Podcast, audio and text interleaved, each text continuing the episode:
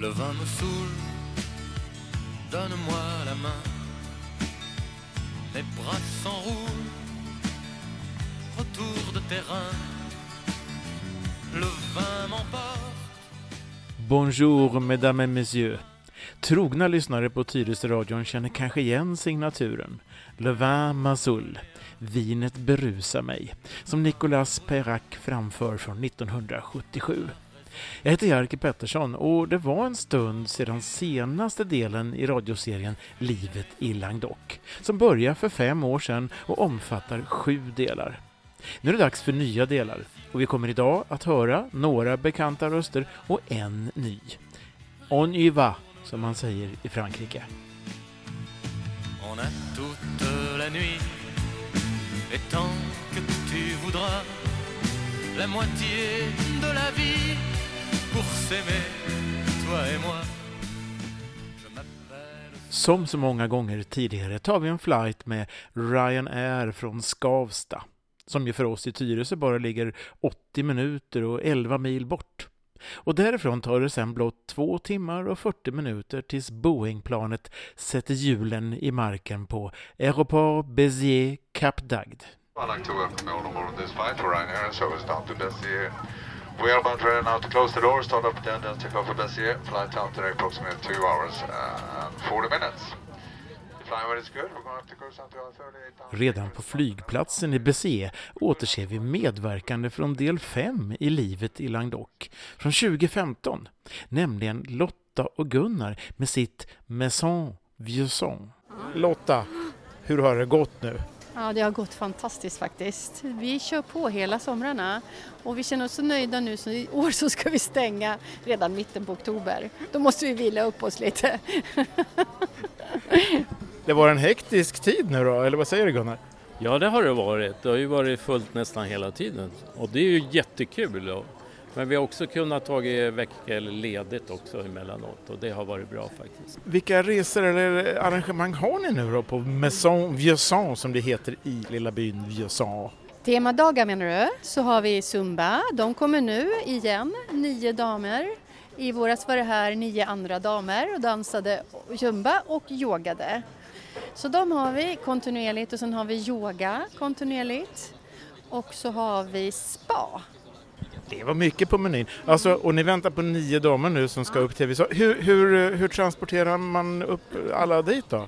Ja, nu har vi hyrt en buss så vi får med allihopa. Så det blir eh, den privata bilen och en buss. Då får vi med packning och damerna förhoppningsvis. Då.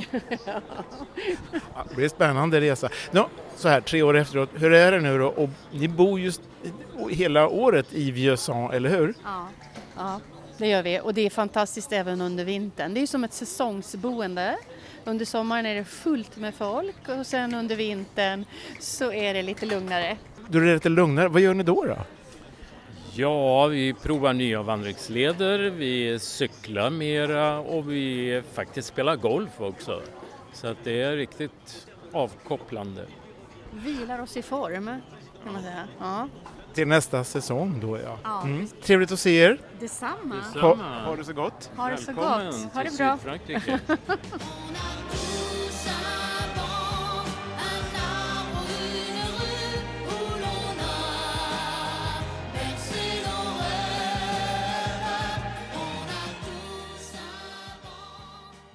Lotta och Gunnar träffade vi som sagt 2015 och då hade de precis hittat sitt drömhus i bergen i lilla byn Vieuxant. Och det hade de gjort med hjälp av en köparmäklare som heter Karin Klo. Nu beger vi oss till staden Béziers där Karin med familj numera bor. Och nu har vi tagit oss till eh, kontoret för hus i Languedoc. Bredvid mig har Karin Klo som är välkänd här nere i Languedoc nu. Sen när flyttade du och din familj ner till Languedoc? När började det? Ja, vi flyttade hit 2010 med hela familjen. Och var började ni då någonstans? Vilken by var det? Ja, vi flyttade ju då, när vi flyttade permanent, flyttade vi till Servian. Vi hade ett semesterhus tidigare i en by som heter Saint-Genès du Fontedy. Men det var lite för litet när vi skulle bo permanent, så då köpte vi ett vinbondehus och flyttade till. Ja, och det var, var det då du startade den här bloggen Brev från Servian? Ja, det var det faktiskt. Ja. Och den har alltså, den är uppe nu, det är ganska många besökare. Det var inte lite rekord här om sistens. Ja, det börjar väl närma sig 400 000 i alla fall. Men nu är vi alltså i Béziers. Ja. Vad är det som har tagit oss hit, eller er hit? Ja, vi har, nu har vi tagit nästa steg på vår resa här i Languedoc. Eftersom våra tjejer har just flyttat hemifrån och börjat studera på andra ställen och så. Så då har vi flyttat in till en stor borgarlägenhet i Béziers. Och vad är det som drar just med Béziers då? Ja, det händer väldigt mycket här i stan. Alltså det är väldigt mycket ja, liv runt omkring på gatorna, öppnar mycket trevliga restauranger, det finns mycket fina butiker och så här. Härligt liv helt enkelt. Och här driver du nu din verksamhet, Hus i Languedoc, ifrån det här kontoret vi befinner oss i nu. Och du är köparmäklare. Ja. Och då kan man undra, vad skiljer en köparmäklare från en vanlig mäklare? Ja, det som utmärker mitt jobb här det är att jag hjälper svenska kunder som inte har så mycket koll på marknaden här nere såklart. Man sitter i Sverige och tittar så jag plockar ut de husen som jag tycker är intressanta för svenska marknaden, marknadsför dem på min hemsida och sen så hjälper jag ju såklart kunderna med allting från visningar till, och när det gäller köp då alla praktiska detaljer. Besök hos notarie och så, ända tills man är klar och har nyckeln i handen. Och nu är du alltså inne på Hus i Languedoc, så blir det? Blir det sjätte, sjunde år? Ja, det kan det nog vara. Börja 2011 lite smått där. Några visningar har du haft. Ja, det blir det. Ja. Eh, vad är det, om du tittar eh, trenden på de här åren nu då, kan du se någon förändring i vad som efterfrågas?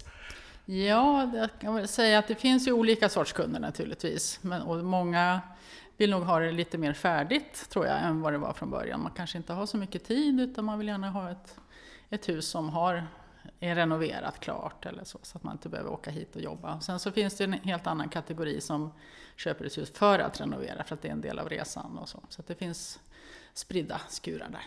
Är det alla åldrar eller kan du se vissa åldersgrupper? Ja, det är väl, har väl gått ner lite i åldrarna tycker jag. Att folk har inte riktigt samma tålamod och vänta till pensionen. Utan det kommer folk från ja, runt 50-årsåldern i alla fall. Och tidigare var det kanske drygt 60. Hur ser det ut på utbudssidan då? Alltså, fin- finns det hus? Det är kanske en dum fråga, för det ser vi att det finns hus. Men det måste rimligen ändå variera lite med tiden. Ja, det varierar hela tiden. Men det kommer hela tiden in intress- intressanta hus. Det gör det. Det rullar på. Ja, det rullar på i alla olika prisklasser. Så det finns mycket att välja på. Om vi tittar på prisbilden då, hur, hur har den utvecklats på de här åren? Ja, jag tycker det håller sig stabilt. Det har ju inte rusat i höjden men det är heller inget, inget tapp liksom, utan det är en bra investering som är stabil om man köper hus här. Över tiden så kan du se vilka byar som då blir populära eller kanske rent av mindre populära, vad vet jag? Ja, alla vill ju bo i en by som har service nästan, så är det ju. Man vill helst ha det här med café och bageri och sådär. Och sen så att det kanske även städerna har blivit lite mer intressanta. Så gör lite mer levande då, låter det som. Ja, det är klart det finns de som vill ha ett väldigt lugnt liv också och bo naturnära och vackert och så här. Men de flesta vill nog ändå kunna gå ut och ja, ha den här dagliga kontakten med människor omkring sig.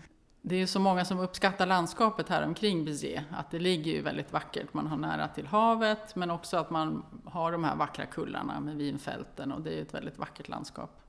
Så det är väldigt varierat inom korta avstånd och så är det väldigt tätt med byar, vilket också gör att det känns väldigt levande. Så att om man inte har allting i sin by så kanske åker man till nästa och så. Det är väldigt mycket, man rör sig ganska mycket i området. Och eh, vi råkar ha är kontoret här, det är ganska nära allén som gör den centrala punkten i Béziers. Vad heter allén? Allé Paul Riquet. Och vem var då Paul Riquet? Ja, det var ju han som kom på det här att de skulle bygga Canal du Midi, som ju var ett stort jobb på 1600-talet. Ja, och Canal de var, hur, hur stort, eller var sträcker sig det då? Den sträcker sig från kusten ända upp till Toulouse, så det är över 20 mil. 20 mil kanal. Och här i Béziers finns det också ett gäng slussar, eller hur? Ja, nio slussarna. De har precis renoverat det området och gjort det lite mer turistanpassat, så det är jättefint. Så staden Béziers, den växer. Ja, den växer och den utvecklas mycket. Det var lite risigt här för några år sedan faktiskt, lite nedgånget i centrum. De hade byggt så mycket köpcentrum och så här, men nu är det liksom mycket liv inne i smågatorna och så. Jag läste igår på Facebook att eh, du ryckte ut och räddade en, eh, en kvinna, en dam också. Ja. ja, det kan hända. Det var det här Pariserhjulet som det kallas, som finns i allén. Och så var det någon som hade råkat fastna där uppe och inte fick någon uppmärksamhet så att hon ringde mig och undrade om inte jag kunde komma. Och då var det sån tur att jag var i närheten så att jag gick dit och sa nu ska de här nog få komma ner och suttit uppe en timme. Ja, som, som köparmäklare får man, man vara med mycket då. Ja, ja, ja, man får rycka ut på lite allt möjligt. Om man nu blir nyfiken på den här regionen som heter Languedoc. Eller förresten, vi ska klara ut det här med Languedoc och Occitanien. Ja, Occitanie heter ju regionen numera för att den är ihopslagen med Toulouse-området sedan några år. Så att det är en ganska stor region. Så den regionen heter Occitanie. Ja. Men fortfarande säger man Languedoc. Ja, det gör man ju ändå för att det är historiskt och alla vinerna är ju Languedoc-viner och så. Så det kommer nog att leva kvar. La tradition. Ja. Om man nu vill ta sig hit från Sverige, enklaste sättet? Ja, många flyger till, direkt till Béziers. Man kan också flyga till Montpellier. Men också kan man ta tåget från Paris eller från Barcelona och sådär. Så att det finns väldigt bra kommunikationer hit. Så man kan ta till exempel flyga till Paris Charles de Gaulle kanske och hoppa på tåget direkt där. Jajamän, och ta sig hit ner på några timmar. Det går ju snabbtåg så att det är väldigt smidigt. Och då är det just stationen i Béziers man landar på. Ja, Så Béziers blir den här knutpunkten. jajamän. I wish I could south of France. In the south of France. Sitting right next to you.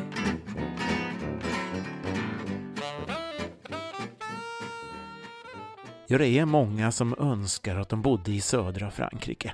Och många svenskar har de senaste åren hittat till Sydfrankrike och Languedoc med Karins hjälp. Från Karin tar vi stegen till Karins man Ulf och hans verkstad där han driver företaget Clou Luthier. Och nu ska vi fokusera och djupdyka i frågan vad en luthier är och vad en luthier gör. Vi börjar med vad luthier blir översatt till svenska. Ja, då blir det fiolbyggare. Fast luthier innefattar också gitarrmakare och eh, byggare av andra stränginstrument. Men bara stränginstrument. Hur länge har du jobbat med som fiolbyggare då? Eh, sen 1990 startade jag min, min firma i Karlskrona. Sedan eh, åtta år tillbaka här i Frankrike. Så alltså 28 år som fiolbyggare, då har du gjort några fioler då? Ja, det har blivit 67 instrument totalt. Jag är inne på min nummer 68. Alltså nu blir man ju nyfiken så här, hur lång tid tar det att bygga en fiol? Ja, en fiol är ungefär fyra veckor, fyra, fem veckor heltidsarbete. Men eh, jag bygger två fioler åt gången vanligtvis. Så eh, att eh, jag kan jobba med en fiol medan den, en, till exempel limning eller lack torkar på den andra fiolen. Två instrument kan jag hålla koll på exakt vad jag gör och exakt vad jag vill få ut av dem. Men annars bygger man flera åt gången så blir det massproduktion och då kan man lika gärna lägga av. Du gör helt enkelt unika instrument. Är det på uppdrag då? Eh, Det är både och. Jag bygger helst eh, egentligen först och hittar rätt kund till instrumentet sen. Och då eh, ställer jag ut på olika mässor och utställningar. Jag ställde ut på en, en utställning i Cremona i Italien förra helgen. Och innan dess har det varit London, Paris. Internationellt företag Ja. här i Béziers nu då alltså? Jajamän, ja. Gör du alla modeller? Eh, nej, jag bygger bara eh, fullstora fioler till vuxna och altfioler. Jag har byggt en cello. I princip bygger jag, bygger jag instrumentet i hjärnan först med alla detaljer och jag tänker ut eh, vilka strängar det ska ha och så här. Och sen sätter jag igång och väljer virke och, eh, bygg, och äh, väljer modellen och äh, hur allting ska utformas efter det. Men det är redan klart i huvudet.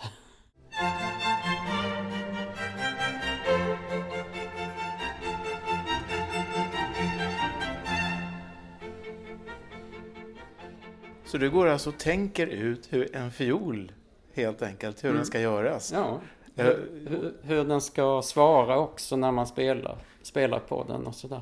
Man kan bygga en fiol lite robustare som kräver mera stråktryck och eh, som har då en, en annan karaktär, lite, lite tyngre, kraft, kraftfullare ljud. Eller så kan man bygga en fiol som, är, som svarar väldigt lätt, som är väldigt resonant, och eh, som eh, liksom fjädrar för, för stråken när man spelar på den. Att den, den har en inbyggd fjädring. Eh, så det finns allting mellan de här ytterligheterna så kan man välja hur man vill att fiolen ska kännas och spela på. Hur man vill att den ska svara och låta. Det låter som att det finns oändligt med kombinationer. Ja, det gör det ju. Och detta är inom klassiska musikvärlden. Sen kan man ju bygga mm, fioler för, för folkmusiker. Och det har jag också gjort. Så att eh, det är ett helt annat tänk. Du, hur kom du på idén att bli fiolbyggare? Det började med att jag spelade gitarr när jag var i tonåren. Och blev mer och mer intresserad av själva instrumentet. Eh, justering, reparation, eh, ja, finjustering. Jag var väldigt noggrann med mina e-, egna instrument. Och sen började jag eh, justera lite gitarrer åt kompisar. Sen gick jag en nyckelharpsbyggarkurs. Sen gick jag ett par sommarkurser i lutbygge. Och eh, jag började också spela mandolin och sen fiol också. Och lite andra stränginstrument, banjo och sådär. Oj, Men- det, det, blev mycket du. Ja, det blev mycket. Det var väldigt intensivt spelande ett tag. Men sen drev, drev det över mer och mer till eh, bygget av instrument. Och eh, jag sökte in både på Georg Bolins eh, gitarrbyggarutbildning i Stockholm och fiolbyggarlinjen på Hantverkets folkhögskola i Leksand. Och jag var första reserv hos eh, Georg Bolin ehm, Så jag kom inte in där, men jag kom in på fiolbyggarskolan. Och det är jag glad för nu för att det var en mycket längre utbildning. Väldigt bra lärare och väldigt, väldigt gedigen utbildning. du vad, är- jag tänker, nu, nu driver du det här eh, företaget Clou Luthier i Frankrike sedan ni flyttade hit. Mm. Vad är eh, största skillnaden mellan att vara luthier i Sverige eller i Frankrike? Ja, det är väl lite eh, mer varierat eh, klientel här. Alltså, det är ju lättare med kommunikationerna. Jag bor fyra timmar från Paris med snabbtåget, två timmar från Toulouse, två timmar med snabbtåget från Barcelona och så vidare. Så man, två timmar till Marseille. Så att jag har ju väldigt mycket kunder som snabbt kan ta sig hit. Eh, och även internationellt och flyglinjer till, till eh, Tyskland och flyglinjer till England. Det går ju varje dag. Eh, lågprisflyg till England. Så att, Närmare marknaden helt enkelt. ja, Mm. precis. Du- Och, och bättre klimat för, för att bygga instrument faktiskt. Så med värmen och, och den torra luften som dominerar här. I och med den torra vinden från bergen här. Så är det väldigt bra klimat för fiolbygge. Vad använder man för trämaterial i, i en fiol? då? Ja, eh, här har jag till exempel då en altfiol på gång. Så i halsen och eh, sargen som är här och eh, botten som ligger där så är det flammig lönn från Bosnien, Rumänien kan det också vara, eh, Kroatien också. Och sen i locket här så är det alpgran. Väldigt fin tätvuxen gran som har vuxit eh, på nordsluttningar i Alperna. Eh, Den blir väldigt spänstig men också väldigt lätt. Eh, Så det är inte, det är inte all tätvuxen gran som fungerar. Utan det, det Och det här beror på typ av fiol och vilket material man väljer då? Är det så? Ja, jag byggde ett par fioler nyligen i lite tyngre, tätare trä. Och det blev en annan, en helt annan klang, klangkaraktär kan man säga. En annan känsla att spela också.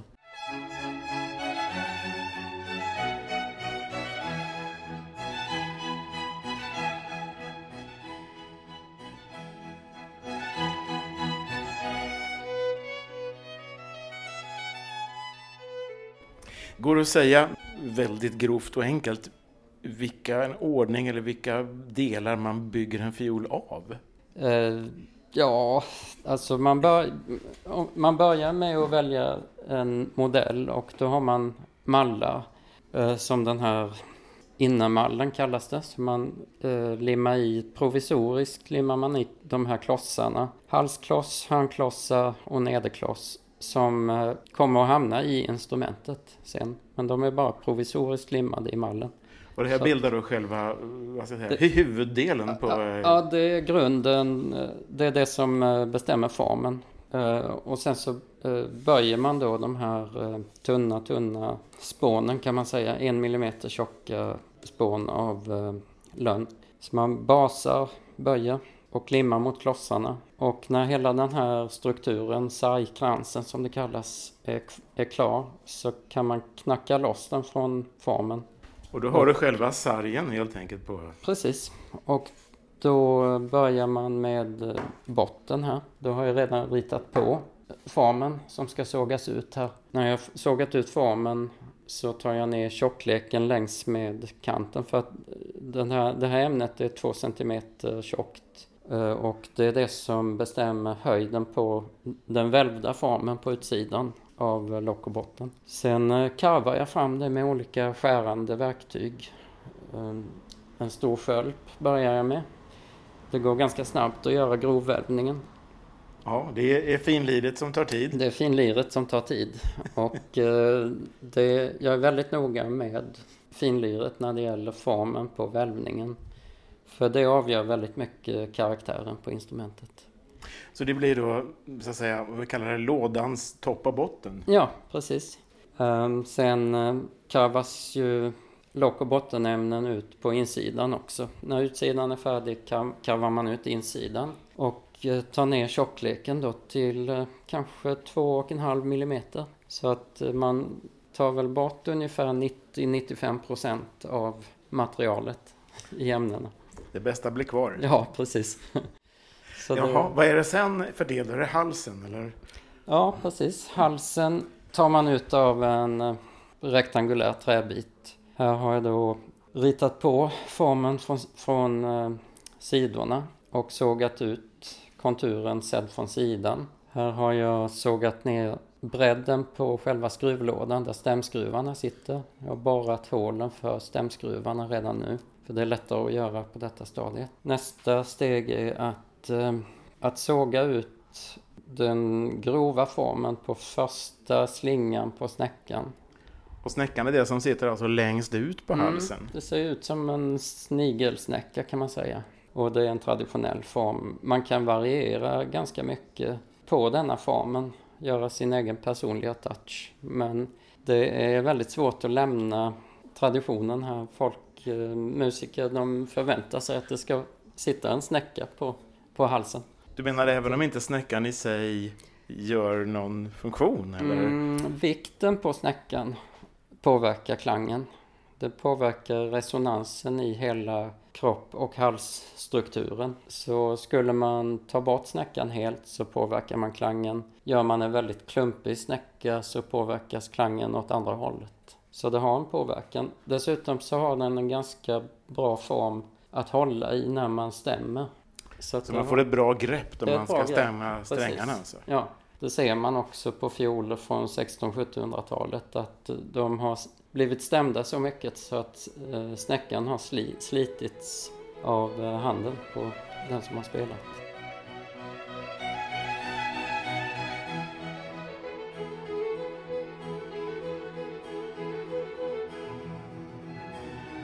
Och när halsen är klar då monterar man på den på huvudet. Vad, vad, kallar man? Lådan säger jag. Är det rätt? Ja, Eller- det kan man säga. Eh, Kroppen. Kroppen. Mm, precis, och då är det en väldigt viktig inpassning av halsen för att då är det flera vinklar som ska stämma. Eh, halsen ska gå rakt ut med mittlinjen på kroppen. Halsen ska ha lätt, rätt lutning, tillbakalutning för att man ska få rätt strängvinkel över stallet som, tryck, som trycks fast mot locket. Så det är ett kritiskt skede då kan Mm. man säga. Ja, det är det. Väldigt kritiskt skede. Och eh, passningen i urtaget för halsen då är, är sån att eh, det jag lärde mig från eh, min fiolbyggarlärare som hade lärt sig av Etienne Wattelot, en väldigt känd fiolbyggare i Paris. Det var att när man har fått till passningen av halsen så att det knackar till tre gånger när man trycker i den i urtaget, då är det färdigt att limmas. Och då sitter halsen även utan lim, men eh, det, den måste givetvis limmad. När, när, när då um, huvud, lådan, kroppen sa vi, och halsen är ihop då, vad är nästa steg? Eh, Då är ett väldigt stort kapitel är ju ytbehandlingen. Så få till ytan helt enkelt. På, Mm. ja. Mm. Och det, det är från eh, den sista slutputsningen som man gör med eh, sicklingar kallas det stålskrapor. För att få en, en fin struktur i, i träytan. Till eh, en grundbehandling, man isolerar träet för att inte lacken ska tränga in och hämma vibrationerna. Till uppbyggnaden av lackskiktet med, med färgen som, som ingår då. Och täcklack som, eh, vad ska man säga, isolerar färgskiktet då. Det är, det är en hel vetenskap. Det är, låter som en omständig procedur, Mm. du. Mm. Vad, när du är klar med den ytskiktet och där då, vad är, det, vad är det sen då? Då kommer inpassning av stämskruvar och stallet. Och stallet, det är där strängarna vilar på, eller? Precis, det är det som överför strängarnas vibrationer till kroppen. Och det är det som gör ljudet då. Och stallet på, eh, fungerar som ett eh, filter. Det filtrerar ut väldigt höga toner så att eh, klangen blir behagligare. Okej, och då får man alltså resonans i eh, kroppen, Mm? Det är så ja. det funkar? Ja, det finns flera olika resonanser i fiolkroppen som man kan eh, identifiera. Eh, Den lägsta som är viktig då, det är luftresonansen inuti lådan. Luften inuti fiolen resonerar också och förstärker det låga registret. Och sen finns det olika resonanser i själva träkroppen eh, som, och distributionen av de här resonanserna avgör hur fiolen låter. Och att passa in då det här, alltså stallet här och strängarna och stämskruvarna och så, det, gör du det, mm, är det ditt öra som leder dig då?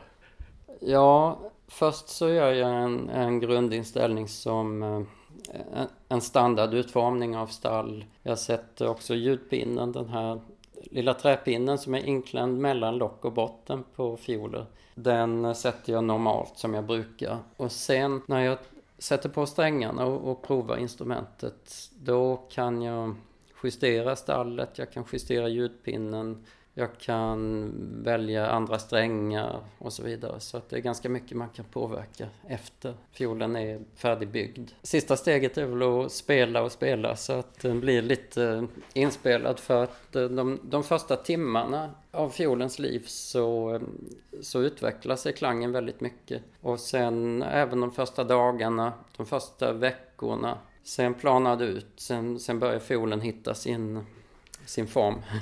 Du pratar om fiolen som en egen liten varelse här, för du pratar Ja. om fiolens liv. Ja. Att man spelar på den, är det då den börjar leva, höll jag på att säga? Ja, precis. Och folk frågar mig ofta om, eh, om jag tycker det, det är jobbigt att lämna ifrån mig en fiol. Men det är precis tvärtom. Att det är då som fiolen börjar verkligen leva på, på riktigt och när den har hittat en eh, livsföljeslagare och, och börjar få sjunga ordentligt. Kan du följa alla dina fioler som du har gjort? Hur många var det sa du? Det var ju 60... 67 men det innefattar även lite mandoliner och, och mandoler och gitarrer. Men kan du följa att, eh, dem, var de ja. tar vägen i sitt liv då? Ja, det, har, det kan jag och eh, det är väl bara det är ett fåtal instrument som jag har tappat tråden på som har sålts vidare eller så. Men eh, de flesta har jag, har jag koll på vem som äger. Ska vi prova hur det låter? Ja, Har du någon?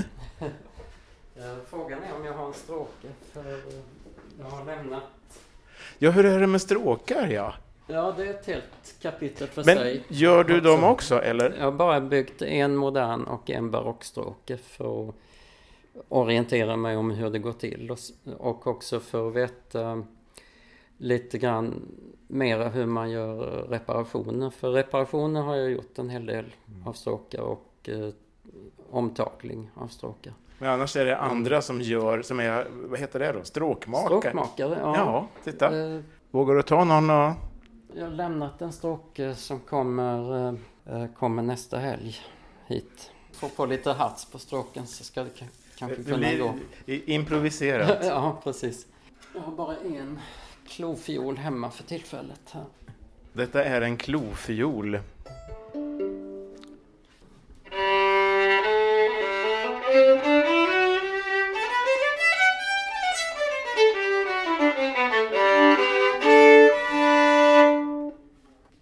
låta. Det låter inte illa du. Ja, det, det låter betydligt bättre om det är en, eh, en musiker som spelar. Ja, men, du, men du kan spela? Jag kan ju spela och eh, jag tycker det är viktigt för att kunna testa spel, spelbarhet och klang. Så när jag har värm- värmt upp så kan jag spela bättre. Så här slutligen nu, eh, jag tror de flesta, om man tänker fiol, då, då, då, är det ett namn som får upp i mångas huvud och det är Stradivarius. Mm. Mm. Vad, vad, vad, vad betyder Stradivarius för dig? Eh, ja, det är ju, eh, vad ska man säga, det är grunden som i princip alla som lär sig fiolbygge idag lär sig hur Stradivari byggde, eller försöker lära sig hur Stradivari byggde. Eh, Stradivari kom från Cremona och liksom eh, Guarneri, en annan fiolbyggare, Amati, en tidigare eh, Stradivaris lärare. Men det fanns väldigt duktiga fiolbyggare i, i Brescia, i Venedig, i Florens och så vidare. Så, Vi håller oss i Italien hör jag. ja, men sta, eh, bara kort därefter i, i mitten, slutet på 1700-talet så blev, kom det fram många fina fiolbyggare i Frankrike också.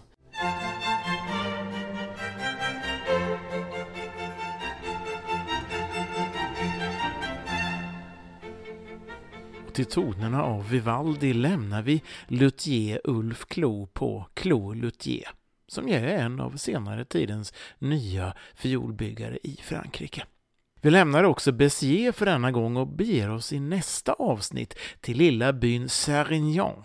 Vi ska träffa en tidigare Tyresöbo och före detta ordförande i Bayern-fans, tillika medlem av Mensa, som håller på med en stor renovering av ett borgarhus.